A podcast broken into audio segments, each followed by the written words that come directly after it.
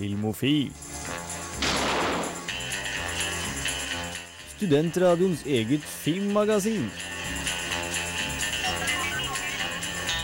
Lights ready, all set. Cameras. Velkommen, velkommen. Det er torsdag igjen, og du hører på Filmofil. Med meg i studio i dag har jeg Trine. Hans. Og August. Og jeg heter Frida.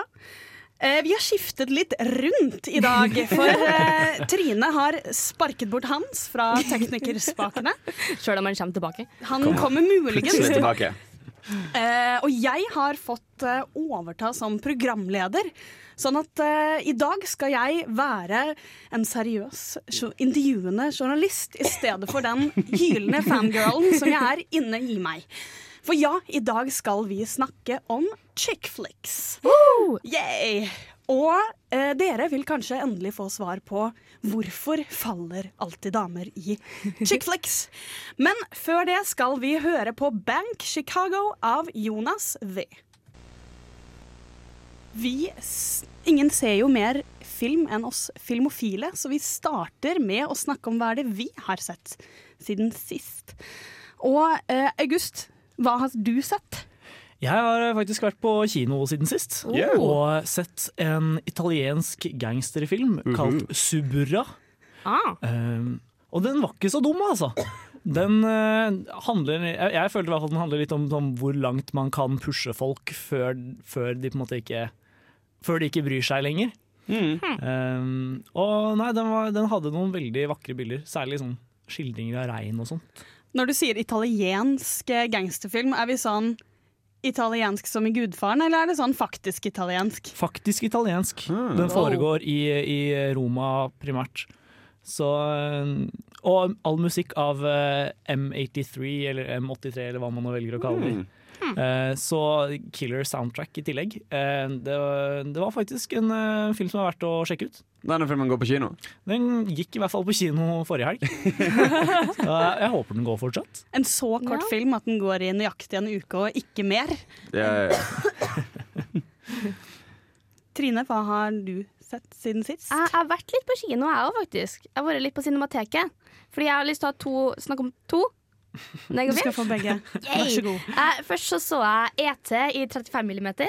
mm. Det var så gøy! ET! ET. Du snakket om den i stad, og jeg skjønte ikke hva du mente.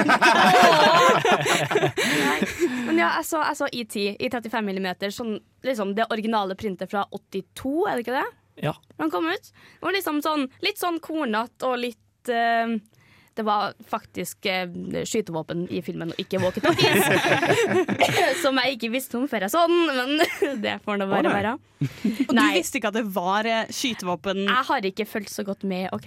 Dette var en kjempestor sak når Steven Spielberg og George Lucas sammen gjorde denne store digitale forbedringen av eh, filmene sine. Jeg, jeg, har, jeg har hørt om det. Det er Jeg liksom hadde ikke fått med meg hvis ikke South Park hadde hatt sin eh, hele episoden om digitale reboots. Ikke sant? Så for da de uinnvidde, det som er snakk om, er jo at de hemmelige agentene i de nye versjonene av ET Istedenfor å holde pistoler som de sikter på disse små ungene på sykkel, så holder de walkietalkies som de sikter på disse ungene på sykkel. Pass deg, eller så får du elektromagnetiske stråler, eller hva er det som funker på deg. Jo. Og den andre filmen jeg så, var Midnight Special. Det høres kjent ut. Var den bra? Ja, de var dritbra! Men dessverre så var det siste dagen den gikk på Cinemateket i går. Nei. Jo, den var, den var så sjukt bra. Den var, um, det er Michael Shannon, uh, Joel Edgerton fra liksom The Guest og Black Mass og forskjellig. Og en liten unge som faktisk ikke sugde. Wow! Det er jo Det er som oftest ofte. så bra det blir. Det, liksom, det, har- det, det omhandler mer eller mindre en kult. Ish. Og liksom uh, far og en sønn er ute på tur. Klarer den eh, liksom å skape en, en frisk superheltfilm i disse dager? Ja. Det er liksom en veldig Det, det, det er liksom godt med en sånn low-key superheltfilm som egentlig ikke er superheltfilm. Fordi Ja. ungen sitter og leser uh, comics på hele bilturen. Så liksom du ser Supermann, og så spør han liksom What's kryptonite? Jo, vent, jeg har sett denne filmen! Har du sett den? Visst faen har jeg sett denne filmen!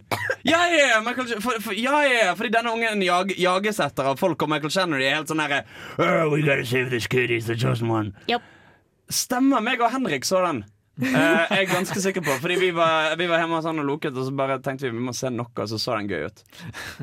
Uh, den, den var rar. Men da rar som i fin rar? Ja. Eller sånn, eh, altså, for min del i hvert fall Så var det en av de filmene som på en måte tenkte Dette var greit. Dette, Jeg angrer ikke på at jeg så den, men jeg tror ikke nødvendigvis jeg hadde sett den igjen.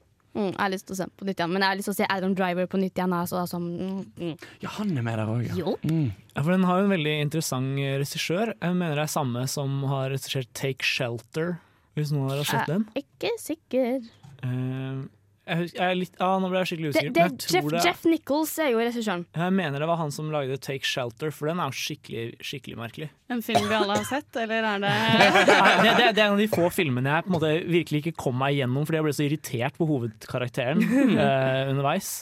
Så, så nei, den er ganske merkelig. Så om du har lyst til å da se filmen eh, som irriterte livet av deg, så du gadd ikke se resten, så kan du da sjekke den.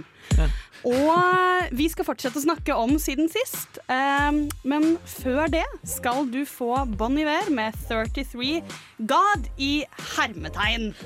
Så hvordan man uttaler det, det blir God. Det er ikke den sangen. Det er NAO med Happy, faktisk. Så vi får vente litt på God. NAO med Happy var det, om du skulle bli litt lett forvirret av vår forvirring. Og Hans, Ja. hva har du sett? Jeg har sett. Um, jeg har sett ferdig nå uh, True Blood. Oh. Uh, nå har jeg sett alt av True Blood. Um, og det, det, er litt sånn, jeg vet ikke. Jeg, jeg syns jo egentlig at det er en serie som ikke er så veldig bra, nødvendigvis. Eh, det begynner ganske sterkt, og så går dette et godt stykke ned i en sånn rabbit hole av bare tull og tøys og feer og alvor og alt mulig tull. Og så så, så måte Så kommer du inn i det og på en måte er investert i dette universet. Og, og de, de gjør en sånn veldig fin greie med at alt er så Alt er så, Det er så stort Beklager. Eh, Det er så stort karakterfokus i serien. Så selv om det virker sånn Å, er dette òg en ting som fins? Så blir du introdusert til alle konseptene alle tingene via en karakter det gjelder. Så blir kjent med denne karakteren først. Å ja, det viser seg at han er sånn. Ja, ok, men Det forklarer litt om hvordan han er. Og da forstår du disse konseptene. Jeg vil bare si at uh, inntil kanskje nå to sekunder siden så trodde jeg du snakket om True Detective. Det, det tror jeg er et litt annerledes show. Syns du funka, jeg? Ja, men det, men eh, tilbake til True Blood. Jeg datt veldig av der. Sånn, ja, jeg tror det var cirka da fegreiene begynte å komme. men det er veldig mange som detter av det. Og jeg mener jo det er fordi at der introduserer de et kjempestor greie bare som ren eksposisjon. Bare som ren sånn 'Dette er en ting som fins, folkens! Nå skal dere følge med på det!' Eh, og det syns jeg fungerer dårlig. Men hvis du klarer å komme deg forbi der, så klarer på en måte showet å Altså, altså De klarer på en veldig kul måte å ta inn igjen gamle karakterer, vri litt på rollene. Plutselig noen som var stygge, snille. Plutselig noen som var snille, stygge. Og det gir på en rar måte mening. Altså, altså, altså, altså Med et par unntak så er som regel alle karaktermotivasjonene ganske OK. Altså, Vi har jo snakket om den på Filmofil før, Ja. og jeg kom meg nok aldri helt fra hvor trist jeg syns det var at de gikk fra det de gjorde i første sesong, Som- som var så nytt. Det var jo at de introduserte én ting, og holdt seg ganske Mm. på en måte fint low-key til det. At det var liksom vampyrpolitikere som prøvde å snakke om liksom like rettigheter, og det ble på en måte den derre At de tok det altfor seriøst i forhold til hvor tullete det var. Men, men den, blir værende, og de klarer å på en måte Fordi Til å begynne med så er du veldig veldig eh, homoparallell. Eh, men etter hvert så beveger det seg litt over til en bredere parallell når det gjelder undertrykkelse generelt. Eh, altså de, de går litt inn, innom f.eks. crack-epidemien i USA. Litt samme som Zootopia tok opp. Um, Ja. og, og, og undertrykking av transpersoner, undertrykking av folk basert på kjønn, folk basert på etnisitet, eh, klasse, altså fattig og rik og sånne ting. De favner om veldig mange ulike paralleller det kan fungere på. Jeg tror hovedproblemet på min del egentlig ble at det føltes ikke så veldig sannsynlig etter hvert at alt skulle skje med på en måte denne veldig begrensede gruppen mennesker. Men eh, ja, det er vel kanskje Nei, det, men en det, det, er urettferdig anklagelse. det òg forklares jo på et vis, og så er jo spørsmålet om du kjøper de forklaringene serien kommer med. Den drar suspension of disbelief litt sånn langt. Ja. Du må men, ville. Men, det som faktisk er ganske fint, er at siste sesong, da, sesong sju, den er veldig ehm, hva, skal jeg si? Der har de på en måte sittet og så har de tenkt sånn Nå er det ganske mange som er uvenner. Nå er det ganske mange løse tråder. Hva vi bare lager en slags samlesesong hvor vi, intro, hvor, hvor vi har basically en tre-fire arcs eh, med forskjellige skurker og forskjellige ting som må ryddes opp i? Og så bare går vi litt kjapt gjennom det. Bare for, for å løse opp i alt sammen. Altså Du merker at for eksempel, det er en greie som skjer i de tre-fire første episodene. Så man tenker oh ja, dette skulle helt sikkert vært en egen sesong, men de bare gadd ikke. Oh. Um, og, og det merker du tilsvarende med en del andre sånn uh, buer og kurver i den sesongen. Og så til slutt så er det bare sånn Ja, så giftet han seg med han, og hun seg med de, og så fikk de unger, og så uh, alle lykkelige alle sine dager. Gifte seg med de, ja. Ja. Det var, Spennende. polygami var det vel ikke tilfelle av, nå når jeg tenker meg om. Multiple persons. No. Og apropos eh, han giftet seg med han, får vi da ta ikke den andre delen. Eh, det har jo vært pride denne uka, så Ja. jeg har vært og tittet på eh, filmen Pride. Fordi den viste de. Jeg skulle egentlig på Weekend også, som, og det var de to de viste. Ja. Uh, og jeg må bare si hun startet, når vi kom dit, så startet det Cinemateket som har Nei, Trondheim Filmklubb, som har laget i samarbeid med Pride. Og så kom vi inn, og eh, så vil da Trondheim Filmklubb starte hele greia med å lese en liten Eller presentere den, da. Og hun bruker nesten hele greia på å forsvare sånn derre Det er faktisk veldig vanskelig å finne filmer med svarte og homofile og transpersoner, og det er faktisk bare ikke ikke at jeg ikke har prøvd. Men jeg må bare si at jeg syns det var en veldig sånn passende film å bruke um, i pride, fordi det går faktisk bra. Og gud, så deilig det er at ikke vi liksom OK, nå må vi se på å, alle som dør av aids. Som dere vet treffer meg ganske dypt i Ja. hjertet. Hans, du hadde sett en uh, liten ting til. Ja, Uh, bare en kjapp ting. Uh, fordi PC-en min har jo vært litt i limbo i det siste, så mye har vært Ja. basert på telefonen. Og det har vært mye innom YouTube. Jeg vil anbefale alle å sjekke ut en kanal som heter Skippy62able. Tror jeg han heter Fyren som har den kanalen, heter The LA Beast. Nei! Hans! Hele, kanel, Hans? hele kanalen handler om at han spiser rare, Ja, ekle ting okay. i store mengder. Hans! Ja. Nei! Jo. Det er nok Eh, nå. det er kjempegøy. Han spiser kaktuser. Eh, han drikker mange liter øl. Han, han, han lager en sånn pumpeinnretning, så han spyler mange liter øl gjennom en slange på veldig kort tid og chugger alt sammen ned. Han spiser oksetestikler. Eh, han drikker litervis med olivenolje og diverse ting. Kjempegøy. kjempegøy Og virker som en jævla hyggelig type som på en måte bare ikke tar seg selv alvorlig i det hele tatt. Typ Han editer videoene sine i ettertid og bare sånn lol-fail hvis han hoster litt eller snuser mot hva. Altså Han driter seg sjøl veldig ut med vilje. Veldig. Han virker som en dritsympatisk type, rett og slett. Det er bare du jeg kjenner som kan se på en uh, serie om en som spiser rare ting og være sånn Men karakteren, dere! Karakteren! og for å dekke over brekningsfornemmelsene deres, skal dere nå få Bon Iver med 33 God. Filmofil gir deg nyhender fra filmen og fjernsynets i spanende verden. Og da sånn at du ikke skal bli altfor revet opp inni deg av eh, alle forandringene. I dag så er det vår faste nyhetskorrespondent Trine som skal ta oss gjennom nyhetene. Yes. Vær så god. Uh, Mad Max Fury Road yeah. skal komme ut i svart-hvitt. Hvorfor det? Jeg Vet ikke. Det tydeligvis har George Miller bare sånn Nei, folk ville ha han i svart-hvitt, og vi kunne ikke gjøre det på teater, teater faktisk, i kinoen, så vi tar det på home release. Men, men er, er det noen begrunnelse sånn for å ha en omasj til gamle actionfilmer? jeg, jeg så rett og slett ikke noe om det. Det var bare sånn Her, vi skal ha det i svart-hvitt. En, en, skulle, en skulle nesten tro at det bare var en funksjon en kunne finne i VLC eller et eller annet sånt. Bare sånn, Ja. Spill av svart-hvitt. Egentlig. Det, er liksom, det kommer samtidig som det kommer en samleboks med alle de gamle filmene og uh, Mad Max Fury Road. Både i farge og i svart-hvitt. Det er jo veldig verdt å se de gamle Mad Max-filmene òg. I svart-hvitt? De kommer ikke i svart-hvitt, da. De, så de skal liksom være sånn vi, Det er fordi de skal gjøre det tydelig at de er den litt mer artsy Mad Maxen. Ja. Ikke sant? Men det er jo ikke egentlig en mer artsy Mad Max. Altså, det er jo en Det, det er jo bare Altså, en Den mest artsy Mad Max er jo den første Mad Max. Ja, jeg er enig Ja, der, faktisk. det. For den er jo ganske sånn Egentlig ganske stille og litt mer sånn kontemplativ. Og åpenbart lavbudsjett, da. Eh, I forhold til de andre Mad Max-filmene. Så der er det bare altså, mye kjøring, mye stirring. Eh, mye stillhet. Yes, så den kommer da den eh, 6. desember.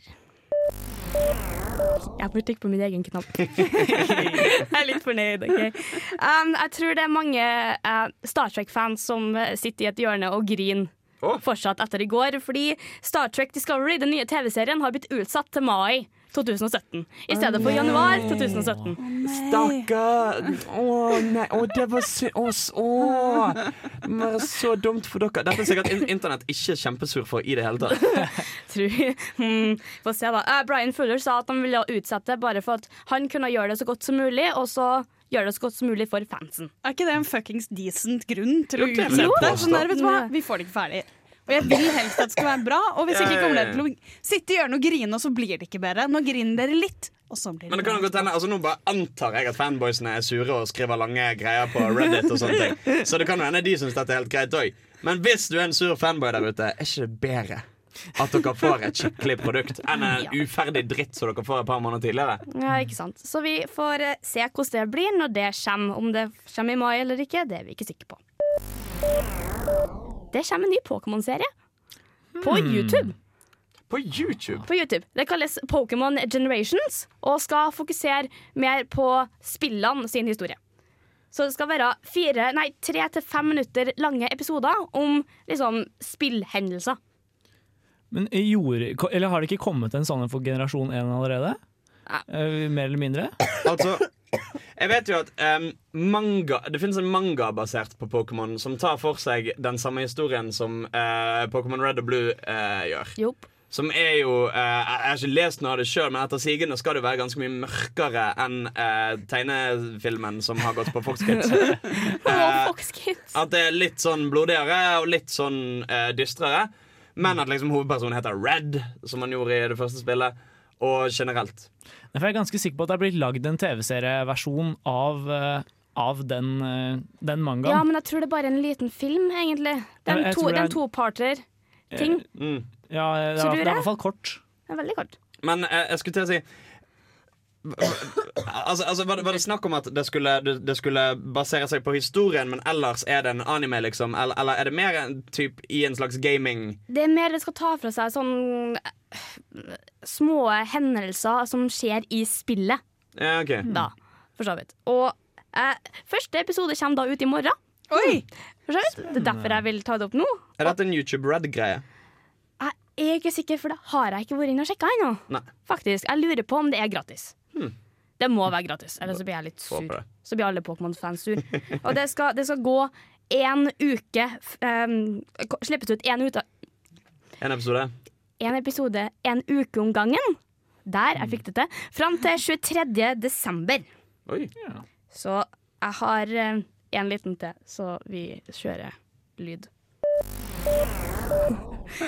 Eh, 20th Century Fox har fått rettighetene til å lage film om Stan Lee sitt liv.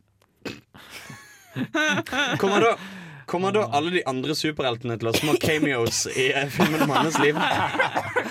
Du ser bare sånn Spiderman eh, er vaktmester eh, i bakgrunnen og liksom Det har ikke fått meg til å flire, jeg hoster bare. Men det skal tydeligvis da um, fokuseres på 70-tallet. Okay. Og Ok. Stan Lee sitt liv i 70-tallet. Så da kommer Stan Lee rett og slett til å ha en liten cameo i, sin, i filmen om seg sjæl også. Ja, helt til slutten bare Hei, jeg lever ennå! Jeg vil ikke dø. Men eh, vet, vi, vet vi noe om hvem som er tilknyttet dette prosjektet, annet enn at 20th Cent- Um, de eh, skal lage den? Ja, det er tydeligvis noen av produsentene til Twilight, for eksempel. Som oh, yes. det glemte jeg glemte av å skrive den ned. I forgot to write it down. For jeg, jeg, jeg, jeg tenker at når, når, når det kommer til biopics Jopp. Så eh, har du jo det evige spørsmålet Hvordan skal du frame det? Hvordan skal du fremstille denne personen? Og Stanley har jo et par svin på skogen. Han Har han det? Ja, han har ikke vært så snill mot sine medserieskapere. Og ehm, veldig sånn fyr som tar ære for ting, skriver sitt navn på ting. Eh, Og ah, Steve Jobs. Eh, Ganske, ganske Steve Jobs, egentlig. Eh, og, og, og, det er en del altså, tegnere som har vært veldig sånn, avgjørende for hvordan typ, Golden Age-tegneserier så ut, som skapte den grafiske stilen. Som plutselig bare sånn Ja, du har ikke en jobb nå. Fordi Oi. vi vil ha nytt talent, og alt det du har lagd, det eier vi nå. Så royalties er liksom ikke helt en greie. Eh, så han har vært ganske kjip mot folk, da. Og det skumle er jo når han fortsatt lever. At det er veldig vanskelig å være sånn ja, eh, vi kjøpte, ga deg sikkert masse penger for denne filmen, men nå skal vi bare dra deg gjennom Han, eh, han blir 94 Såpass, i ja. desember. De håper at han dør. Det er det de gjør. De håper rett og slett at han dør. Og med det så skal vi ta dere med til neste låt. Eh, etterpå skal dere få høre August sin aller første anmeldelse noensinne. Vi har i Filmofil, Filmofils tradisjon sendt deg gårde på en film vi har lavere forventninger til.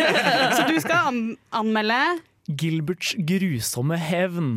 Før det skal dere få James Blake med 'Timeless'. Ja, det er jo vanskelig å komme seg gjennom eh, din første anmeldelse uten en liten sånn uh, 'this is your first time'-greie. Så hvordan føles det å gå fra film, filmoseksuell til filmofil? Wow. Nei, altså Film og nysgjerrig til. Ja, eh, Er det noe du vil si om eh, Si før vi hører anmeldelsen din? Um, Jeg vet ikke. Unnskyld. Det, unnskyld, ja. ja det, det, det kan jeg godt si. Uh, eh, nei, det jeg, jeg satser på at det går lettere neste gang. Som man så ofte sier. OK, kortene på bordet. Når jeg hører ordet norsk barnefilm, tenker jeg Vi har kanskje fått noen greie animasjonsfilmer i det siste, men på live action-fronten er det noen labert gjennomførte adaptasjoner av kjente barnebøker som gjelder. Tenk Knerten eller Karsten og Petra-filmene. Det var eh, altså med disse forventningene jeg gikk inn eh, for å se det nyeste tilskuddet til sjangeren, Gilberts grusomme hevn. Og selv om den overgikk forventningene mine, er det fortsatt på ingen måte en spesielt god film. Jeg heter Gilbert. Jeg er kanskje verdens mest eggallergiske. Filmen er en adaptasjon av boka Egg av Stein Erik Lunde, og handler om Gilbert, som ifølge han selv har tidenes eggeallergi. Kun et snev egg er nok til å forårsake oppkast av brutal natur, hvilket har gitt ham kallenavnet Spybert. Så da familien flytter til nytt sted, anser Gilbert dette for sin sjanse til å få en frisk start. Uheldigvis får han etter kort tid besøk av sin enslige og svært oppmerksomhetssyke tante. Hun gjør alt hun kan for å holde Gilbert hjemme, men eh, når hun gir han egg med vilje, er det på tide å ta hevn. Vi skal ha skikkelig hjemme alene-fest. Du husker at han er allergisk mot egg, ikke sant? Jeg skal ærlig innrømme at jeg ikke har noe forhold til boka Egg. Men eh, hvis du mener dette er en god bok, har jeg full forståelse for det. Filmen eh, har mange scener jeg ser for meg kunne være svært morsomme i bokformat. Problemet er at disse scenene ikke nødvendigvis fungerer på film. Ta eksempel en scene der Gilbert spyr utover hele fotballaget sitt. Dette lar seg ikke beskrive med bilder på noen eh, god måte, siden man i mye større grad må forholde seg til fysikkens lover når man skal eh, tilfredsstille folks øyne heller enn deres fantasi. Dette er et gjennomgående problem i filmen. Jeg merket hele tiden at eh, scenene er laget for et annet medium, og ble sittende med en lei bismak i munnen. Jeg dør. Jeg, Gilbert, jeg dør. Jeg skal på trening! Denne problematikken kommer særlig til syne i scenene med tante Doris. Hun fungerte sikkert som en overkarikert barnebokfigur, men når dette oversettes direkte til skjermen, blir det hele svært flåsete og dumt. Vi får annet se henne prompe, rape og knekke opp ledd til den store gullmedalje. Og selv om dette kanskje kan være morsomt for de aller minste, blir det svært usjarmerende for de fleste som er eldre enn åtte år. Jeg vil ikke legge for mye av skylden på Giske Arman, som spiller ut rollen etter beste evne, men heller manuset. Og for ikke å snakke om det temmelig dårlige lydarbeidet. Kan du ikke ha med en eggefri kakealé? Når det kommer til de voksne skuespillerne, gjør de generelt en god jobb. Jeg synes særlig dynamikken mellom Gilberts foreldre, spilt av svenske Frida Hallgren, og vår alles kjære bare Egil Hegerberg, fungerer godt. Dessverre forsvinner disse to nokså tidlig i filmen, til fordel for tante Doris. Eh, Og det fungerer som sagt heller dårlig. Barneskuespillet er eh, også et betydelig problem. Det føles på ingen måte som eh, virkelige barn, men heller som barn som prøver å huske replikker etter beste evne. Å være Gilbert var noen ganger sært nok, men å bli Spybert, det var helt umulig. Gilberts grusomme hevn har altså flere betydelige problemer. Når jeg sier jeg likevel ble positivt overrasket, skyldes dette at enkelte elementer faktisk var gode. Som nevnt er Gilberts foreldre ganske godt spilt, og filmen har et par vakre innstillinger. Jeg tenker da særlig på en sekvens i starten av filmen, der Gilbert løper gråtende hjem fra en bursdag iført et kattekostyme. Dessverre kommer ganske mye av dette tidlig i filmen, og det bærer egentlig nedover derfra. Jeg vil egentlig fraråde alle over åtte å se denne på kino. Hvis du absolutt vil se en barnefilm i disse dager, burde du heller gå og se Kubo. Ja, så eh, en god nje. Veldig solid Nja. Det virker som du konkluderte med at den var ikke så dårlig.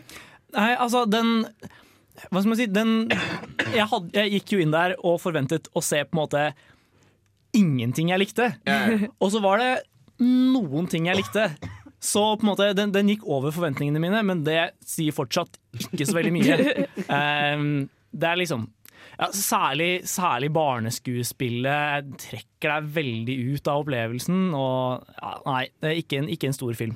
Men hvis vi tenker at vi er barn, da, og ikke, eh, sånn, og ikke tenke på dette som en film sånn som Pixar lager, som er bra for alle, og på en Mm. måte skal Ja. snakke like mye til oss som til barna, tror du et barn syns at liksom, karika karikaturene er morsomme? Som sagt, hvis du er eh, under åtte, så tror jeg den kan fungere helt greit. Um, men jeg tror altså dette, dette er en type film jeg som barn irriterte meg over. Det er, det, er, det er litt en sånn type film man blir invitert med å se uh, med barneskolen. eller- Ja, eller, ja, eller sånn, eller sånn når, når klassa skal ut og se på film, og så ender man Ja. opp med dette. Og det er, det er noe med, med norsk barnefilm av den typen som på en måte sjelden føles noe friskt. da. Ja. Det- Selv om noen spyr utover hele nei, æsj. Hva ber dere om?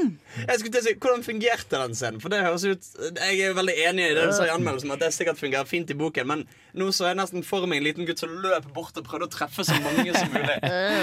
Nei, det, det er mer sånn uh, projectile vomit. Ja, uh, oh, nei. Han sitter på enden av bordet og liksom spruter utover alle. Okay, så à la Pitch Perfect? Jeg har ikke sett Men- Pitch Ok, Okay. Når hun spyr på Det er gulvet. også litt ekkelt. Så jeg tror det, at det, virker, det virker verre i den filmen. Eller, Men, eh, men ja, det, det er kanskje det beste eksempelet på en sånn scene hvor jeg ser for meg sånne små barnebokillustrasjoner, litt à la en Roald Dahl-bok med liksom et fullt fotballag nedgravd i spy. Ikke sant? Eh, det, det, det blir ikke det samme på film da, i det hele tatt. Så dersom, dersom du skal passe på lillebror i helgen, eh, skal du ta med på denne filmen eller skal du ta med på Kubo? Kubo and the Two Strings. Definitivt. Oh, Bare Kubo. ba det om det, sånn at vi skulle snakke litt mer om Kubo. Om Kan vi bare snakke om Kubo resten av sendinga, for det er verdens koseligste film. Det kan vi rett og slett faktisk ikke. Fordi vi skal eh, videre til tema. For jeg har også vært og sett en film, og jeg har sett Bridget Jones' Baby. Så den, skal, eh, den anmeldelsen skal dere rett og slett få høre etter en sang. Og vi skal nå høre Young Dreams med Off The City. Ja, det er jo litt rart å skulle introdusere sin egen anmeldelse uten å begynne å anmelde anmeldelsen. Eh, så eh, jeg skal bare Jeg nevner det, men jeg er veldig fan av den første filmen. Og jeg vil at alle skal huske at det har vært en emosjonell uke for meg. Med å gå rundt og vente på hvordan skal det gå med stakkars Bridget. Og eh, ja, hvordan det går, skal du få høre akkurat nå. Dear Diary it's sort of a funny story. Alle kort på bordet med en gang. Jeg elsker den første Bridget Jones-filmen. Og jeg har en tendens til å bli litt ukritisk positiv når jeg er redd for hvorvidt en oppfølger skal levere. Men jeg skal prøve å ikke bare fangirl vilt her. Bare ha det i bakhodet. Jeg hadde stukket av med denne dama any day. Give her a little kiss, you know, on the forehead there. Uh, I was talking about the baby. Bridget Jones har blitt eldre og er uten kjæreste eller barn. Dette er litt tungt for en dame som har brukt så mye av ungdommen sin på å prøve å gjøre det hun føler er riktig. Etter to one night stands litt for kort fra hverandre, blir hun så gravid og er litt for redd for en fostervannsprøve til å kunne få avgjort farskapet. Dermed må en liten gjeng på tre, som ikke alle liker hverandre, prøve å samarbeide i det man må kalle en moderne familiekonstellasjon. Um, uh, a few months ago, uh, on the 4th of the month, uh, I met Jack. And we got on very well and um, sort of had um, relations. and uh, the next week, um, Mark and I, well, we had um, similar relations. and, uh, and this is the funny part, I suppose. Owing to these relations, uh, the resulting life form currently residing in my tummy could actually, in fact, be either of yours. Det som alltid appellerte appellert til meg i den første filmen, er at den klarer å passe inn i en vanlig chick flick rom-com med alle klisjeene som følger med, og samtidig være emosjonelt moden. Bridget er en klassisk rom-com-protagonist. Hun har lyst på de riktige tingene, og driter seg ut på en sjarmerende måte. Men de tøyser ikke bort reaksjonen hennes. I en sånn klassisk selvforakt som alle jenter driver med, am I right? Hun viser i stedet hvordan folk flest bruker så mye tid på å prøve å passe inn og være riktig, og hvor mye vi skammer oss når vi ikke får det til. Og Bridget bærer med seg en dyptliggende skam. I andre film misforsto de alt, og bytter ut denne modenheten med falling. Jeg var ganske sikker på at det var dette vi skulle få en gang til. Men regissøren fra første filmen, Sharon Maguire, er igjen med på laget, og jeg kan berolige dere alle. Bridget Jones er tilbake. Before we start, would you like to know the sex? Maybe we should be prepared. You know, I'm not It's a boy. Oh, a boy. A boy. Boy. Oh boy. boy. Oh, my boy. Jeg skal ikke påstå at alt er rosenrødt her. Ei heller at den er like stram dramaturgisk som sin forgjenger. Det er et par plotthull. Første akt er både treg og litt rotete, og de er ganske kleine når de skal være unge og hype. Men dette er så verdt å tilgi, for den har så mye av det som gjorde den første filmen bra. Den feier seg ikke gjennom temaet sitt på vei til neste gag. De tar alle følelsene rundt denne så litt for rotete graviditeten dønn seriøst. Hva gjør du egentlig når livet ditt blir så mye mer rotete enn du hadde håpet? Trenger man egentlig et team rundt seg, eller orker man alene? Hvilke forpliktelser har man overfor en baby hvis den ikke er din? Eller hva med før du vet? Og selvfølgelig, hvordan vet man egentlig hvem man passer sammen med? Lovely. You're our second same sex couple today. Uh, no, actually. Uh, Absolutely. You must be the surrogate? Exactly, yes. Just helping this wonderful couple make their dream come true. See, Mark is very nervous about all this. It's all new to you, isn't it, lamb chop? Dessuten klarer de mesterstykket med å holde Mr. Darcy og Bridgets evige will they, want they spennende. Siden motstanderen Patrick Dempsey er en filmromantiker av klasse, samt et ekte og vanskelig brudd, sitter jeg og diskuterer med meg selv hele tiden om jeg egentlig har lyst til å heie på dem. Og både Renee Selvager og Colin Firth gjør så flotte repriser av de nå mye mer skadde personene at jeg bare håper på en film til. Spesielt siden de nå har vist at de klarer å la dem vokse mer enn denne sjangeren pleier å tillate. So, this is Dad, I presume. Pleased to meet you. I'm so glad you could be here. This is a unique and wonderful moment. Kort oppsummert er dette en verdig oppfølger. Liker du den første, kommer du til å like denne også. I hvert fall hvis du legger en smule vilje til. Om du ikke liker den første, vil jeg bare spørre hva er galt med deg? Yay! Åh, yay! Men så bra! Ja, jeg vet det! Og den er jo, altså, for min del, eh, bare en liten sånn Hvem liker den første Bridget Jones-filmen? Jeg gjør. Ikke sett! What? Sett den for veldig veldig lenge siden og husker veldig lite av den. I love it. Ja, ikke sant? Men den er liksom Fordi jeg mener det Det er veldig viktig det at den klarer å være så moden. Den tar dem veldig seriøst. Uh, når de har sånn derre Å, hun vil jo være sammen med han, men hun vet ikke helt om han, vil, om han liker henne. i den første filmen. Eh, og, men han, virker, han er litt slem med henne, vil, så tar de det så utrolig seriøst. Og de liksom tar det ikke som en forvikling man må løse opp i. De er sånn, Dette her må du jobbe deg gjennom, det er jo en følelsesmessig belastende tid. Og det er det samme de klarer å gjøre her, i stedet for at det er sånn wacky hijinks to dads. Så gjør de sånn ordentlig drama ut av det. Det at de må samarbeide. Eh, for hun tør ikke ta den fostervannsprøven, og begge mennene er der og er sånn Ja, jeg liker jo deg, og jeg vil jo være her hvis hvis dette barnet er mitt. Og egentlig vil jeg kanskje være her hvis dette barnet ikke er mitt, for nå har jeg blitt med.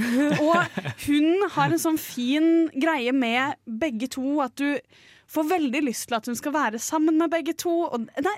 er mm.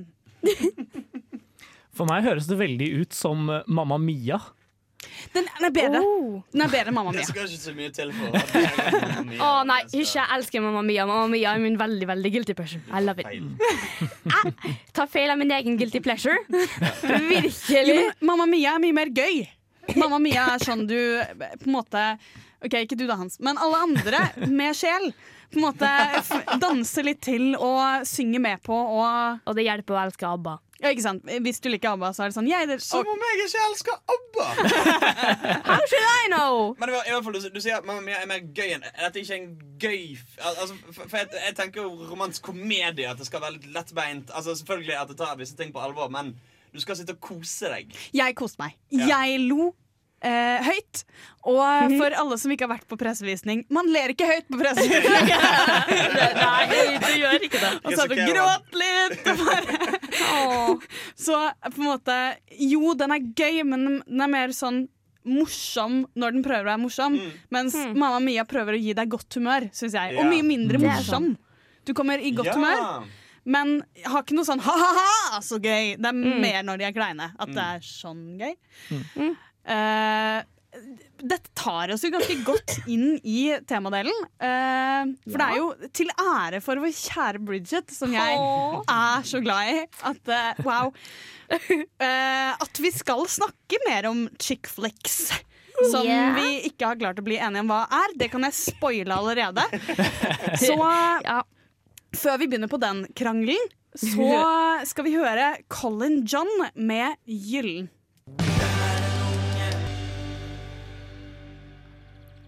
Og som nevnt eh, skal vi nå prøve å avgjøre hva det er vi egentlig prøver å snakke om. For det er ofte der vi ender opp eh, når vi finner temaet og blir enige. Og så prøver vi å diskutere hvilke filmer som hører inn under, og så er alle uenige. Ja, det er veldig sant. Det, det er jo bare eksempel på når vi hadde sci-fi-sendinga. Og der er vel egentlig Hans eh, måtte selvfølgelig ha med 'Ten Things I Hate About You'. Ja, vi må ha med 'Ten things.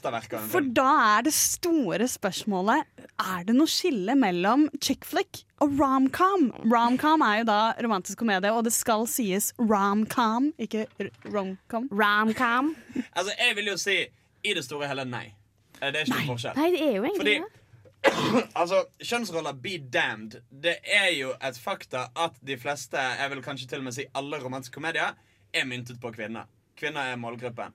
Uh, og er filmer som type en venninnegjeng kan gå og se på etter de har hatt en hvitvinskveld, uh, sminket hverandre, eller Wow. hva, hva det er disse movie exexene Wow. sitter og tenker at skal være tilfellet. Yeah. Jeg mener jo ikke nødvendigvis at det er den riktige oppfatningen av filmen. Som sagt, Ten Things I Hate About You er en av de mest fantastiske filmene jeg har sett i mitt liv.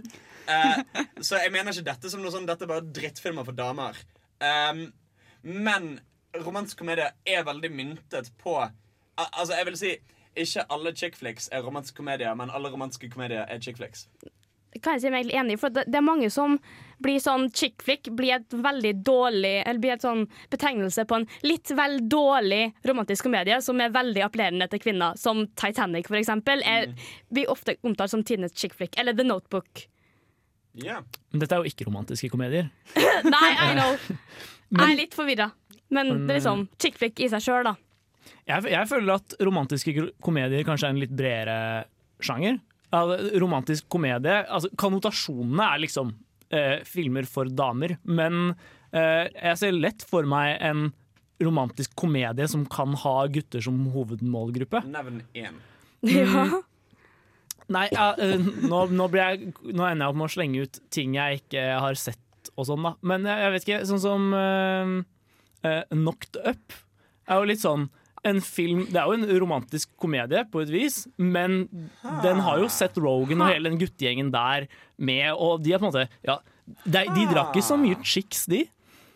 Der er det vel tilfellet av disse exexa s- tenkte at eh, damer vil jo se på Catherine Eagle, men vi legger inn Seth Rogan, så vil kjæresten være med, ikke sant? Og så er det en film for begge to. Det er jo liksom veldig Catherine Eagle i seg sjøl. Liksom, du har 27 Dresses, men den vet ikke jeg hvor mange mannfolk som blir dratt med på. Ugly Truth, for eksempel, med Gerard Butler. Det, det er så mange med hun kjerringa der. I don't, I don't like her. Der tror jeg kanskje du sto i fare for å komme med en veldig godt poeng. I stand corrected. Men eh, jeg vil jo også si at en viktig ting i en chick flick er Mikrofonen til Hans funker ikke. Hæ? It doesn't work! OK. Eh, snak, snakk, dere, så skal jeg se om jeg får fikset dette. Eh, OK, da tar jeg fortsetter på poenget jeg holdt på med, som eh, var Oi. Å, jeg mista Ja. det. Damn it. Ah, unnskyld. Eh, knocked Up. Jo, men det var at selvfølgelig Jeg mener at det må være eh, en litt sterk kvinnerolle. Eller, eller en svak. Altså Men en kvinne som har noe hun gjør i filmen. At du er avhengig av at eh, du skal på en eller annen måte fortelle en jentes historie. Det er veldig få chick flicks hvor du bare følger menn. Jeg vil jo si Funker mikken min nå? Ja, den gjør det. Jeg vil jo si at et eksempel på en chick flick som ikke er en romantisk komedie, kan for eksempel være Pitch Perfect. Yay! Ja. Ja, det er sant, det. Men det, det, det jeg føler definisjonen burde gå på, er litt mer sånn fra et studioperspektiv. Når et studio lager en film, hvem er det de har som hovedmålgruppe? Ja. Eh, og hvis tilfellet er eh, jenter, gjerne litt yngre jenter, så tenker jeg chick flick. Ja. Um, Da Men, er vi eh, over på kan dramaer være chick flicks. Sånn som Twilight er jo helt åpenbart myntet på damer. Ja. Uh, men jeg ville aldri i livet karakterisert det som en chick flick hvis det ikke bare var fordi chick flick har blitt et litt sånn stygt Ja, ord. det, Twilight går under den type chick flick. Den som er brukt liksom bare sånn Det der er en jævlig dårlig film mynta på jenta, det er en chick flick. Ja, ikke sant? Jeg tenker kanskje altså, Chick flick som altså, Det er sånn chick flick. Chick Eh, flack. det, det, det, er litt sånn, det klinger litt sånn lett og litt sånn snappy og kjapt. Jeg tenker at det nesten må være en slags form for komedie. Så The Notebook mener vi går si ut. ikke, ikke I hvert fall ikke sånn jeg forbinder med det. Så det er jo en damefilm, på en måte. Mm. Uh, men ikke nødvendigvis en chick flick. Okay, de, de, eh, de liker å bruke det i andre filmer om The Notebook som tidenes chick flick. Ja, okay. Så liksom, hvor, hvor vil du egentlig sette grenser for hva som er en chick flick, og hva som er sånn dårlig ordbruk for eh. Jentefilm. Ja. Ja, og jeg tenker kanskje at The Notebook ikke er det beste eksempelet, for den har jo også en del for et mannlig publikum. Eh, litt Har sånn vi sett den samme The Notebook? Nei, nei, jeg bare tenker på han eh, gamle mannen som er eh, forelsket i sin kone med Alzheimers. Liksom. Det, er, det, er, det er på en måte ikke bare noe det er for jenter. Bare Men sånn som- men finnes, det finnes andre chick flicks, eller andre filmer i den sjangeren som jeg føler er mer sånn rene chick flicks. Dare John, for eksempel. Og sånne Nicholas Sparks. Oh, Nicholas Sparks. er. Nicholas Sparks. Ja. Oh, ja, ja. Ja. Men, eh, men Dare John er et enda bedre eksempel, føler jeg. Men, men jeg vil si, selvfølgelig altså, altså selvfølgelig, Som jeg sa i sted jeg elsker Ten Things I Hate About You, jeg elsker She All That, jeg elsker High School Musical, jeg elsker Pitch Perfect. Alle disse filmene er jeg kjempe, kjempeglad i. Men jeg, jeg tror på en måte Jeg er enig i det du sier, at disse filmene ikke nødvendigvis kun treffer kvinner. Men jeg tror poenget må på en måte være at de er myntet på kvinner. De er lagd med kvinner som eh, målgruppe. Og hvis du ikke ble forvirret nok av det, så skal vi skal snakke videre om det. Og hvis du fortsatt lurer på hvilke filmer er, var det nå som endte opp med å falle innenfor, så skal vi faktisk eh, nevne et par, får vi håpe. Men før det så skal vi faktisk høre godeste Røyksopp og Susanne Sundfør med Never Ever.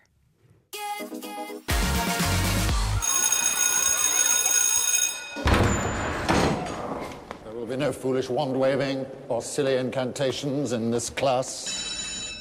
No, okay, that's it for the day then.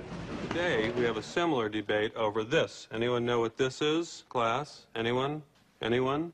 Anyone seen this before? Ukens hjemmelekse. Ja, Vi vet jo ikke helt om dette egentlig ble gitt som hjemmelekse. Eller vi vet faktisk veldig godt at denne filmen ikke ble vist, for, gitt, for den sto ikke som vår film. Men vi skiftet. Vi har allerede nevnt Bridget Jones. Alle burde jo ha sett den. Det, er Ja. på en måte, det, det burde ikke være nødvendig å si sånn 'denne filmen skal dere se'. Denne filmen Nei. burde jo alle ha sett. Ja, og de færreste. Det er ikke en film man spoiler som i sånn Men de var samme person hele tiden! Så det er en film som er grei å snakke om uansett. Ja. Og det er selvfølgelig Mean Girl. Mean Yay! Yay! Fordi det er jo den filmen jeg kanskje vil si Jeg har hørt flest komme med ja, Jeg er ikke så glad i chick flicks, men jeg liker Mean Girls. Da, da, du kan ikke si at du ikke er glad i chick flicks, for det, det er jo liksom jeg er på toppen av veldig mange chick flick-lister. Og det er jo det vi kaller the gateway drug. Når du ikke liker den, så drar du deg inn. Eh, og hva Eller syns vi den er noe ulik de andre chick flicksa? Det første som slo meg når jeg så Mean Girls, er egentlig hvor mye de har som Hva skal man si? Eh, man ikke eller hvor mye sånn nyskapning som lå der. For eksempel i alle dyrene på savannen-sekvensene og sånn. Mm. Det, er, det er kreativt uh, yeah, yeah, yeah. lagde sekvenser. Ja. Og det ser du så lite av i chick flicks, syns jeg da ofte. Det skal jo sies at det er laget av Tina Fey. Og så- Amy Poehler. Og Amy Poller er vel Hun Var er jo med og spiller. Ja, Mm. men jeg vet ikke. Ja. Mest sannsynligvis av samarbeid. Jeg er ikke sikker. Jeg kan søke opp. Vi antar at det var begge to. Vi gjør det. Ja, vi som gjør er to det. veldig talentfulle Å, damer. de er så flinke. Fy fader. Skulle gjerne sett litt mer sånne filmer fra dem. Ja, de, de har jo prøvd å lage flere filmer sammen før. 'Baby Mama' er en film med begge to, der uh, Tina Fey blir ikke gravid, så Amy Poehler skal være surrogat. Og så er det forelskelse inne i bildet, og så får hun ikke ungen. Og så blah, blah, blah. Så den spoila vi. Ja, jeg. Ops, spoilers. Men det, det jeg syns Mean Girls gjør som er veldig kult, er at det er på en måte Altså Det er jo en veldig veldig jentefilm som Ja. tar for seg em, den, den tar for seg jenteting. Altså, altså Den utforsker det å være jente på high school. Hvordan eh, Hva slags press en settes ut for. Hvordan folk stilles opp mot hverandre. Skal du være fin hele tiden? Eh, al altså Han klarer å trekke fokuset vekk fra at du må finne den kjekkeste gutten å kline med. Altså Det er litt romantikk inni, selvfølgelig, men det er ikke hovedfokuset. Hovedfokuset handler om hun eh, hovedpersonen som jeg ikke husker navnet på. Katie. Katie. Eh, og, og om hun klarer å tilpasse seg og plutselig ikke bo i Afrika lenger. Og eh, i hvilken grad hun må tilpasse seg. I hvilken grad er det greit å være annerledes og falle utenfor nordmenn. Ja, og det er Noe av det geniale er, eller med manuset der, da, er at de gir henne det uh, utenfra og Mm. inn-perspektiv Eller utenfra-perspektivet, da. Mm. Uh, det, det at hun på en måte aldri har vært i high school før, gjør hele, hele eksposisjonen hennes så mye mer naturlig. Ja, ja, ja. Og vi har jo faktisk funnet fram et lite klipp til dere. Ja. Ja, Vi kan egentlig bare spille det av. Mest ikke fordi dere trenger å høre det, men fordi det er så dritgøy. Of all that is holy, will you look at Karen Smith's gym clothes? Of course, all the plastics are in the same gym class. Where are the plastics? They're teen royalty. If North Shore was Us Weekly, they would always be on the cover. That one there, that's Karen Smith. She is one of the dumbest girls you will ever meet. Damien sat next to her in English last year. She asked me how to spell orange. That little one, that's Gretchen Wieners. She's totally rich because her dad invented toaster strudel. Gretchen Wieners knows everybody's business. She knows everything about everyone. That's why her hair is so big. It's full of secrets. Hey, um, what's happening? And evil takes a human form in Regina George. Don't be fooled, because she may seem like your typical selfish, backstabbing, slut-faced hoe bag, but in reality, she is so much more than that. She's the queen bee, the star. Those other two are just her little workers. Regina George. How do I even begin to explain Regina George? Regina George is flawless. She has two Fendi purses and a silver Lexus. I hear her hair is insured for $10,000. I hear she does car commercials in Japan. Her favorite movie is Varsity Blues. One time she met John Stamos on a plane. And he told her she was pretty. One time she punched me in the face. It was awesome. She Altså, em, man må jo på en måte legge til at det er en veldig vittig film. Ja. Som selvfølgelig ikke alle etteraper. Fordi alle er ikke disse to talentfulle damene Nei. Eller vi, vi, nå kan vi Amy Poehler, så bare credit fordi vi ville. Vi bare gjør det. Men altså, det, du får jo ikke alltid den samme sånn kjemien, men utenom det så er det jo noe med at de klarer å blåse opp så veldig riktige ting. Mm. Ja. For de overdriver på ting hvor man er sånn Jeg har også opplevd det Ja, der. ja, ja, ja. Jeg syns faktisk den er ganske godt spilt også. Mm. Åh, fuck yeah! Ja, Særlig særlig Rachel McAdams. Altså, hun er jo hun er jo en skuespiller, en Ah. skuespillerinne av klasse. Men, eh, men jeg synes også Lindsay Lohan gjør en bra rolle, altså. Og godeste Amanda Seyfried. Oh, jeg elsker hun dumme Hva var det hun het? Uh, Ka Karen? Karen. Karen. My, my boobs can tell when it's raining. Ja, ja, ja, ja. Ja, men jeg synes generelt casten er dritbra, og de to kompisene hun får, som hun mørke av de, hun jenten, hun ser jeg i så mye annet og tenker at det er hun. Hun eh, spiller jo i Masters of Sex, og akkurat nå glemte jeg hva hun, het, hva hun heter. Men, eh, men ja, at de gjør jo noe veldig britisk der, som er sånn rom, altså Komedier blir gode hvis vi bare tar dritgode skuespillere i alle rollene. Og eh, med Mean Girls godt i kroppen, så skal vi gå videre, og nå f skal vi høre Hester V75 med Spektra. Hva hører du på? Nei, det er litt sånn spesielt. Jeg tror ikke det er noe du har hørt om, egentlig. Ah, ja. Test meg ut, da. Ok. Filmofil. Faen, mann, det er jo en klassiker. Satan, har du hørt det? Jeg skal ha hørt om det. Og der hørte dere Trist pike med Allerede død. En kul låt. Det var litt av en avslutning. Ja, det var veldig sånn boom. Og det er jo fint, fordi Nei. dette begynner med et smell. For nå skal vi ned! Kvinner som faller! Jeg Triste piker som faller. Triste piker som faller! Ah. Ikke lykkelig. Nei, åpenbart ikke enda. Åh. For det blir de først på slutten. Ja. For jeg de nevnte jo det at uh, kvinner har en tendens til å falle. Vi skulle egentlig legge ut en ganske kjent uh, YouTube-montasje uh, med en som har litt, litt, lite fri, eller litt mye fritid, men jeg selvfølgelig, som har klippet sammen alle fall fra romantiske komedier. Og det viser seg å være opptil flere, kan jeg avsløre. Ja, ganske mange. Og hvis Først så kan vi jo egentlig bare Hvorfor er det en trope til chickflicks, romcoms? Altså, jeg lurer på om det kommer av litt Altså, litt det samme som at Fifty Shades of Grey, sant? Åpner Oi, oi, oi. med at hun tenker 'damn my hair'. Eh, altså, altså det, Du må trekke hovedpersonen litt ned, tenker de som lager filmen, for at kvinner ikke skal føle seg truet. Jeg, jeg, lurer på om det er noe, så- jeg, lurer, jeg lurer på om det er noe sånt som ligger bak. At de eh, XX-ene som lager filmen, de sitter der og tenker at vi kan ikke liksom gjøre henne for flink eller for eh, i kontroll, eller et eller annet sånt. Både fordi at jenter som ser på det, skal tenke å men hun er, hun er en av oss, hun er ikke perfekt, hun heller. Eh, så, samtidig som Jeg er jo òg litt sånn klønete inni meg. Å, jeg òg håret mitt. Uh, at det, er på en måte- det baserer seg på en litt sånn undervurdering av kvinner som publikum fra produsentene sin side. Ja, man kan jo Jeg vil jo si meg ganske enig med det. Og det skaper jo en sånn der rar dynamikk hvor du får Julia Roberts som står og snakker om sånn 'Å, jeg er så tykk, jeg kommer ikke inn i buksa mi.' Så er det sånn Nå er vi over på en spiseforstyrrelse. For du kan ikke tenke det, selv om det fins jenter som tenker Det er mange jenter som tenker at de er for tykke, men det fins en grense hvor du Mm. ikke blir rela rel relatable, men bare Ja. syk. Ja, det er et av de problemene jeg faktisk har med Mean Girls. Er de sekvensene hvor Rachel McAdams driver og klager over at hun har blitt tjukk. Uh, det, det tror jeg på ingen måte på, da. Nei, men, men, men det føler jeg jo fungerer i, i, i, i den forstand at du skal ikke være enig i det Rachel McAdams sier i den eh, filmen. Du skal ikke tenke 'ja, vet du hva, du har lagt litt på deg', Rachel. Du skal tenke 'hun er en jævla plastic'. Selvfølgelig er hun så forfengelig og så eh, en del av det skjønnhetsgreien at hun tenker kanskje sjøl at hun er for tjukk.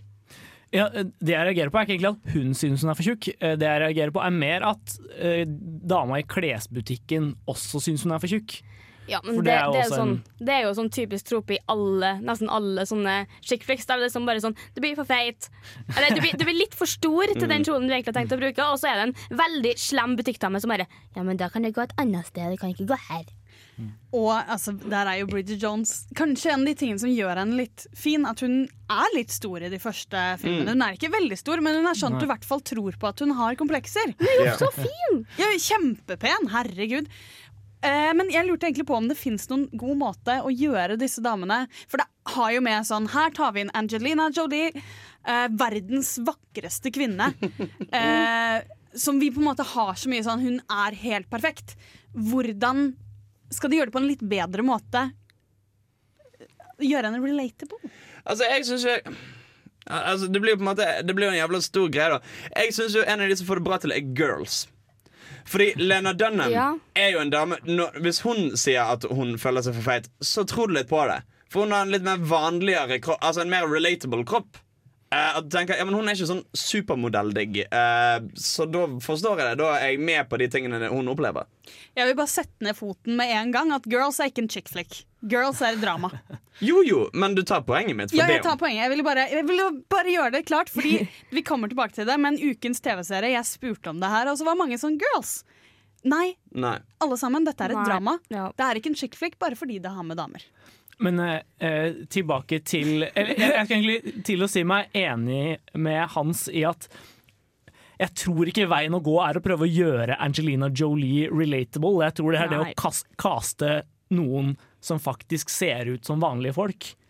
Alternativt så kan man jo bare lage Altså gjøre de til eh, gode karakterer. Fordi vi blir jo med ordentlige karakterer. Så kanskje Mm. de skal slutte å stresse med det. Nå skal vi høre Gundelach med Space Echo.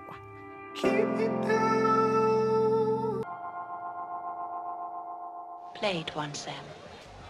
Det er jo alltid å ha musikk når den er påtent. Helst noe indisk eller pakistansk. Ukas filmlåt. Og det her har jeg plukket inn et nytt ensembledrama. Nemlig den flotte filmen Bring It On. Som det viste seg at bare, bare jeg hadde sett. Hadde, vi hatt Kristine her, så kunne du ha hatt noen å gushe med. For den er faktisk overraskende fin. 90-tallet har det jo med å være chick flick og romcoms Ja. storhetstid. Ja. Uh, og dette er Kirsten Dunst som leder uh, Som får i oppgave å lede The Cheer Squad, Mm, mm. til, uh, som alltid har vunnet alle mm, championships. Jeg sier alt på amerikansk, for det skjønner jeg. Eh, Alle mesterskap. Ganske lenge. Og så finner de ut at de har bare stjålet alle cheers fra et annet cheerlag med ba utelukkende svarte damer. Åh. Og det er veldig kult, fordi de på en måte går veldig inn i Jeg syns det er en bedre film enn man skulle tro. Mm. Fordi de har en sånn lett Altså de forholder seg til at dette faktisk er raseproblematikk. Og at disse jentene bare rett og slett har stjålet i så lang tid. Og de gjør det på en dritsjarmerende måte, for den er også en sånn vittig, kanskje på samme måte som Clueless, sånn gode replikker som setter seg, som blir morsommere når du ser filmen igjen. Mm. Ja. Og så har den ganske fengende cheers. um, De var flinke, de jentene, altså. ja, de var ganske flinke. Faktisk, De svarte jentene er også mye bedre. De er faktisk ordentlig mye bedre. Og det gjør filmen på en måte til et poeng. Mm. Så jeg vil bare anbefale folk å grave opp Bring It On, altså. Fordi Kirsten Ja. Dunst er altså flott i alt hun gjør, ass. Nesten. Den dama vet, vet hva hun driver med. Ja, hun er ganske Jeg har ikke sett henne i noe dårlig. Nei, jeg kom på det. Ja, nei, ikke jeg heller. Jeg er ikke helt glad i den dama, egentlig. Nei, men hun ser litt irriterende ut. Jeg jeg, jeg, jeg vet bare ikke hva det er for noe. Jeg har noe med blondiner, kanskje. Hun, eh, hun er ikke sånn kjempegod i Spiderman, syns jeg. Uh, i, og den har jeg ikke sett. Så. Spiderman er da Kirsten Dunst dårlig. Alt annet er kjempebra, inkludert Bring It On. Og da skal vi selvfølgelig høre på en flott, flott sang. Hei, Mickey.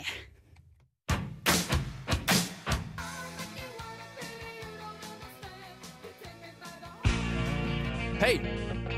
Hei! Det er ikke 90s sitcom-flashback. Ta og Skru på noe annet. Ja, bedre, men prøv igjen. Der, ja! Ahem. Filmofil presenterer ukas serie. Og i motsetning til det han sier, så er vi jo midt inne i et 90s eh, flashback. flashback. Ja, vi er jo det. For vi må Det er da ikke Girls. Nei. Det er TV-serien. Vi må inn på Sex and the City. Ja, vi må jo det. For den var jo eh, Man burde jo nevne det at det var en veldig revolusjonerende TV-serie i forhold til åpenhet på TV. Du har fire venner som prater åpent om sex, om onani, om dårlig sex, kanskje mye mer. Mm. Ja. Og følelser involvert. Og, og den har liksom satt seg så veldig i alles kulturelle hukommelse. Jeg har sneket meg på rommet til mamma og pappa og sett på sex, for det var gøy og spennende. Uh. Ja. Jeg, har, jeg har veldig kjærlighet for Sex and the City. Jeg elsker Jeg liksom, jeg er veldig glad i den serien, og det er liksom Jeg tror det bare Sjøl om jeg ikke er like gammel som dem, så kan jeg kjenne meg igjen i karakterene og karaktertrekkene som de har som kvinner. Ja, og det, og det, det jeg synes den serien gjør veldig fint altså Nå har jeg bare sett de to første sesongene Men det jeg synes den gjør veldig fint Er jo at alle disse ulike Altså de fire personene som på en måte er ikke hovedpersonene Har litt ulike innfallsvinkler Til det å være moderne kvinne Mm. Ja. eh, Altså noen som er veldig, veldig frigjorte Mm. eh, Noen som er litt mer pripne og innesluttede eh, Miranda er mitt jævla spirit animal Som er litt oh. sånn eh, sur og ikke godtar noe bullshit Eh, og så Carrie, som egentlig er den kjedeligste av de. Ja, meg. Carrie er veldig kjedelig. Det er jo ingen Er som vil være Carrie. Nei, hallo. Hun er, jo, hun er jo også eneste som faktisk aldri hadde sex på skjermen. For uh, Sarah Jessica Parker hadde det i kontrakten sin at hun nektet å være naken. Oh, ja. Mens de andre hadde sånn ah, faen, vi skrev ikke det. Ja, ja, det, det er jo noen ganske saftige sexscener i den serien. Og for sin tid. Ja, ja, Så det er jo HBO som senere har spesialisert seg på Mm. Men allikevel, det var på en måte Det er hele holdningen deres til sex og hvordan folk kan på en måte gjøre Sånn som Samantha er jo en veldig spesiell karakter. Mm. Som er sånn 'jeg vil ikke ha kjærlighet'. Jeg, hvis hun blir forelsket, så er det alltid sånn 'hva skal jeg gjøre'?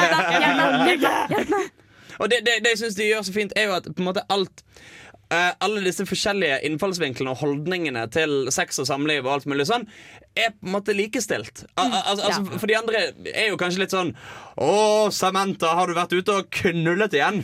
Ho-ho, du er nå sånn, du.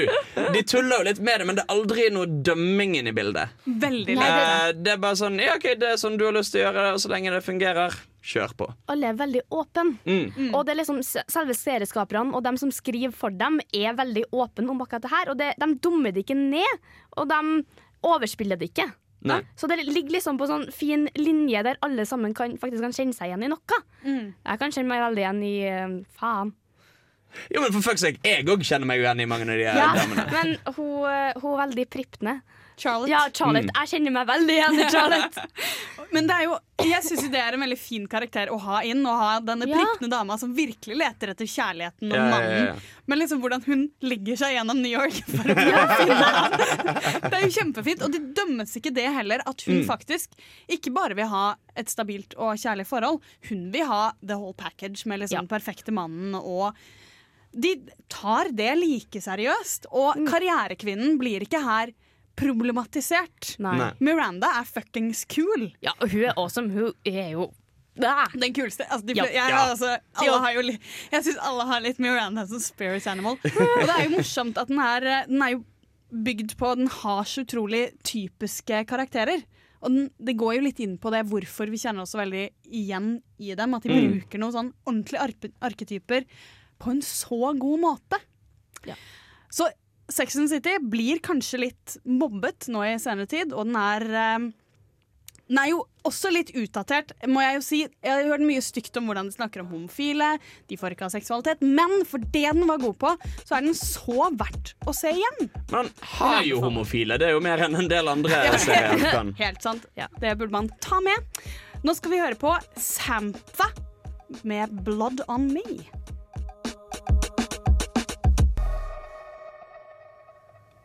Vi har jo vært litt inne på dette tidligere, men chick flicks har jo et ræva rykte. Ja, Mm. det har jo det. Og jeg føler på en måte sånn, Vi har mange et veldig nostalgisk forhold til sånn ah, Ten things I hate about you. Bare, bare for å ta en vi har her i rommet.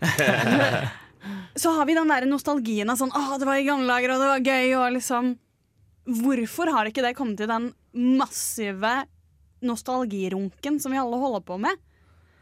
på samme måte som våre tidligere leker og sånn har gjort. Men, mener du at chick flicks ikke er det? Ja, jeg mener at vi ikke har Det er ingen som har prøvd å kommersialisere den nostalgien på samme måten. At den er liksom ikke like høyverdig som Pokémon. Som du var et godt menneske som spilte Pokémon da du var yngre. Mens chick flicks er fortsatt over på guilty pleasure. Jeg tror dette handler mye om på en måte at kultur generelt, uh, mynta spesifikt mot kvinner, alltid har hatt et litt sånn brokete rykte. Du ser jo det samme på litteraturfronten. Mm. Uh, så jeg, jeg vet ikke om det handler så mye om uh, chick flick-sjangeren i seg selv, men mer om generelle tendenser i, liksom, ja, i kulturlivet. Men det, det er jo poeng du kommer altså, altså, altså, For eksempel hvor lang tid det tok for Jane Austen å bli anerkjent Ja. som god, Ja. gammel litteratur. Ja. Eh, som det lenge ikke ble. Jeg vil bare legge til der at uh, jeg selv er skyldig i det, feministen sjøl. Jeg leste faktisk for første gang nå av Jane Austen i sommer, for jeg orket ikke lese om uh, damer som bare styra med å gifte seg, for å sitere meg selv. Og man, ja, for jeg er helt enig, sånn, Det er kanskje noe med at den problematikken som Chickflix tar opp, ikke engang treffer folk som er veldig opptatt av kvinnesak og kvinnespørsmål. Fordi i Chickflix så handler det så veldig ofte om å gifte seg. Mm. Eller å få mannen. At det på en måte Bridget Jones har jo vært ganske utskjelt pga. nøyaktig det at det handler for mye om menn. Ja, jeg tror også det handler en del om at sjangeren i seg selv ikke er sånn kjempegammel. Hvis du ser på, eller hvis du går på Wikipedia og liksom søker opp, eller ser på liste over chick så er det få fra liksom, ja, før, før 1990. Den, Eh, den første er fra 70-tallet, da, så går det liksom bare oppover. ja, men jeg sier det, det er få fra, Ja, ja, det er fra veldig- før det er veldig 1990. lite. Eh, Så jeg tror kanskje vår generasjon er i ferd med å på en måte opparbeide, eller komme til et sted hvor vi kan se med et nostalgisk blikk på chick flicks, og at sjangeren etter hvert kan få bedre rykte. Men jeg tror også det er en medvirkende årsak. da. Og det, det er jo òg altså for, for jeg tror det er en slags kombinasjon av de to tingene som har blitt pekt på her. At det både har noe å gjøre med at kvinneinteresser ofte oppfattes som særinteresser. Ja. Mens ting som er myntet på menn, er allmenne. Sånn Um, superheltfilmer og sånn, sånn der. Sånn Action- action. Actionfilmer og sånne ting. Ja. Samtidig som um, al Altså, det at alle går på kino, er jo, som du sa, en, eller noen sa, en ganske ny ting. Altså, det, det har en ikke gjort i så stor grad som det gjøres i dag, før sånn 60-70-tallet. ikke Um, og, og, da Ungdom for eksempel ble en gruppe som gikk på kino, og Blockbusters kom og ble en greie. At hele den å masseprodusere filmer myntet mot et spesielt publikum, er en ganske ung greie. Og når du får kombinasjon av de to, så detter chick flicks litt utenfor. Jo. Ja, for eh, eh, litt sånn eh, digresjon i, eh, i filmhistorie. Så, så eh, lærte vi om på en måte eh, filosofien bak det å lage en blockbuster. Og ideen var det at Eller noe av ideen da, for målgruppen bak uh, blockbusterne var det at OK uh, Yngre gutter vil gå og se det eldre gutter ser, men ikke vice versa. Og uh, jenter vil gå og se det guttene ser, men ikke vice versa. Derfor Mm. lager vi filmer for litt eldre gutter som alle kommer og ser. Mm, det er jo veldig sant. Ja, det er i hvert fall eh, veldig typisk sånn executive tankegang. Ikke sant? Som kanskje ikke egentlig faktisk oversettes helt på ordentlig. Altså Det er et eksempel på at det blir en selvoppfyllende profeti. Mm. Eh, I det at når, exec når executivesene tenker sånn som det der, så blir jo resultatet at filmene vi får, er myntet på eh, eldre karer, eh, eldre unge gutter oppe i tenårene. Og at det da er de filmene alle går og ser, og da tenker XX-ene Ja, men det var jo akkurat det vi tenkte kom til å skje. Men Et godt eksempel på det motsatte er jo filmen som har gått best på kino i Norge til år, nei, hittil i år. Ja. Uh, A Whole Half Year. Ah, uh, ja. Den med hun eh, Hva er det Ah, hun heter? Game of Thrones-dama? Emilia Clarke. Som er. Yo-Yo Moyes, Ja. eller Jojo, eller hva den er. For så vidt. Eh, filmen heter Me Before You. Ja, ja. Ja. Det heter et helt halvt år på norsk. Ja. Bare sånn, må, må klare opp det her. Men, men Deadpool er jo også en av de mest innbyggende filmene i Norge i år. Men altså, jeg er jo helt enig i at dette her er en profeti som ikke helt funker, fordi Twilight er Mm. myntet på damer. Eh, Fifty Shades of Grey er liksom dame, dame, dame, damer. Og det er jo åpenbart masse inntjeningspotensial der. Det er bare det at de tror at det må være ræva. For, for unnskyld, jeg syns det er litt dårlig. Så, jeg, så de legger ikke samme sånn kvalitetsfokus som Marvel Cinematic Universe nå gjør. Men her er jo litt poeng at em, bransjen er treig og seig og vant til hvordan ting fungerer. Og når plutselig disse tingene slår an så sier de, Hæ?! Hæ? Skal alle damene lese denne husmorspornoboken? Fy faen, dette hadde vi ikke sett for oss, dere. Eh, det kommer som en overraskelse på folk, og det ser du òg i dataspill, for eksempel. Eh, hvordan folk skriker etter kvinnelige protagonister i dataspill. Og de bare sånn, nei, det tjener vi ikke noe penger på Og så slippes det spill som har kvinnelige protagonister, og de selger masse spill. Og de bare Hæ?! Dette kunne vi jo ikke se komme! Eh, det er en treg bransje. Uh, Popfilm pop, eh, og bransje. Så det er sikkert ikke veldig mange år til vi får eh, reboot av alle disse chickflixene vi driver og snakker om nå. Vi skal snart avslutte, men før det skal du få Maja Vik med 'Natural Selection'. Ja, eh, vi skal avslutte, men så kom vi på at vi lovte å nevne et par filmer. Og så endte Ja. vi opp med å diskutere ting isteden. Så vi skal faktisk bare få ta en liten runde, så alle skal få komme med hvilken chick fra hvilken flekk er det dere har inni hjertene deres. Og August, du kan få starte. Personlig så er det nok eh, Cher fra, fra Clueless som står mitt hjerte nærmest. Fordi med henne så har de klart å lage en karakter som er på en måte eh, Hun, hun handler hele tiden i beste evne. Eller eh, i beste eh, Mening. Beste mening Ja. var det, var det. Og, og etter beste evne, for den saks skyld.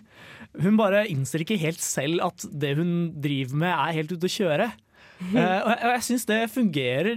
Jeg syns jeg har klart å gjøre det på en helt herlig måte. Særlig siden det også er en ja, som Vi nevnte, vi snakka også litt om den forrige uke.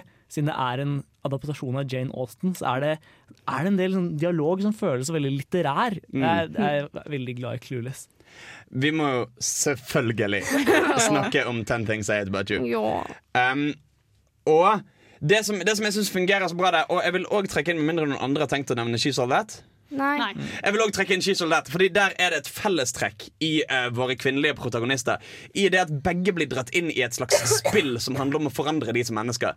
Uh, I She's All That så uh, er det en jente som er litt sånn her bibliotekar, litt sånn hår i hestehale og briller, som driver med kunst og er litt sånn spesiell. Og så skal Freddie Prince jr. liksom eh, forvandle hun til den diggeste damen og få hun valgt prom queen. I, i eh, Ten Things I Hate About You så er det lillesøsteren til eh, damen som har lyst til å bli tatt ut. Det får hun ikke lov til, med mindre storesøsteren har blitt tatt ut. Og da betaler noen Uh, Heath Ledger eh, for å sjekke henne opp. Sjekken sjøl. Og begge deler er på en måte tilfeller av jenter som er annerledes, som ikke helt passer inn i liksom, normen for det å være pen, søt, pyntelig jente. Og som blir litt forandret, men som klarer å holde på det som gjør de spesielle og særegne. Eh, uten at det blir så jævla sånn eh, super quirky, quirky eller adorkable. De er mennesker, bare at de faller litt utenfor normen, og jeg syns det er enormt sjarmerende. Begge er vel også basert på Shakespeare, så der var det et annet fellestrekk. Det har du kanskje rett i. Jeg har, jeg har et veldig stort hjerte for ECA Ja. med, med Emma Stone. og den er så ah, Jeg vet ikke. Jeg, bare sånn, jeg, kan, jeg kan kjenne meg igjen i hovedkarakteren, for jeg var litt sånn, veldig sånn usynlig, og jeg bare sånn, jeg vil ikke bli sett. Jeg har ikke lata som jeg har ligget med noen, i alle fall. Eh, det har jeg ikke gjort. Jeg Som vi vet. Da- åh, I done that. Men liksom bare, jeg elsker Olive, og det liksom, jeg kjenner meg sånn igjen. Liksom. Fint å få Emma Stone i uh, en hovedrolle, endelig. At hun kan uh, bare bære en film alene. Ja. Og jeg vil gjerne avslutte med den beste, som åpenbart er uh, Lovely Blonde, eller Legally Blonde. Blonde. Med Reece Witherspoon som L, som begynner på Harvard for å vinne tilbake kjærligheten. Og finner ut at hun egentlig er fuckings god til å være advokat. og um, finner egentlig seg selv som en karrierekvinne. Hun la, ikke seg drive seg sjøl før. Ja, nei, hun bare det er veldig fint at det er den veien det går. Hun skulle bli husmor, men fader heller. Hun var så fuckings god i jobben sin at hun må ut og skape karriere. Ja. Så det var egentlig det vi hadde å si om damene. Ja. Nå i neste sending skal vi faktisk snakke om andre verdenskrig til Mm. ære for kongens nei. Endre temaet litt. Ja, Ja, skiftende forhåpentligvis. Litt. Rørende. Og da, som en liten hjemmelekse til alle sammen, så syns vi dere skal ta og se Max Manus en gang Ja. til. Mm. Så skal vi få gått litt ordentlig inn i Norges krigshistorie. Og med det skal vi avslutte. Yes. Eh, det har vært Trine. Hans. August. Og jeg heter Frida. Takk for at du hørte på. Vi ses igjen.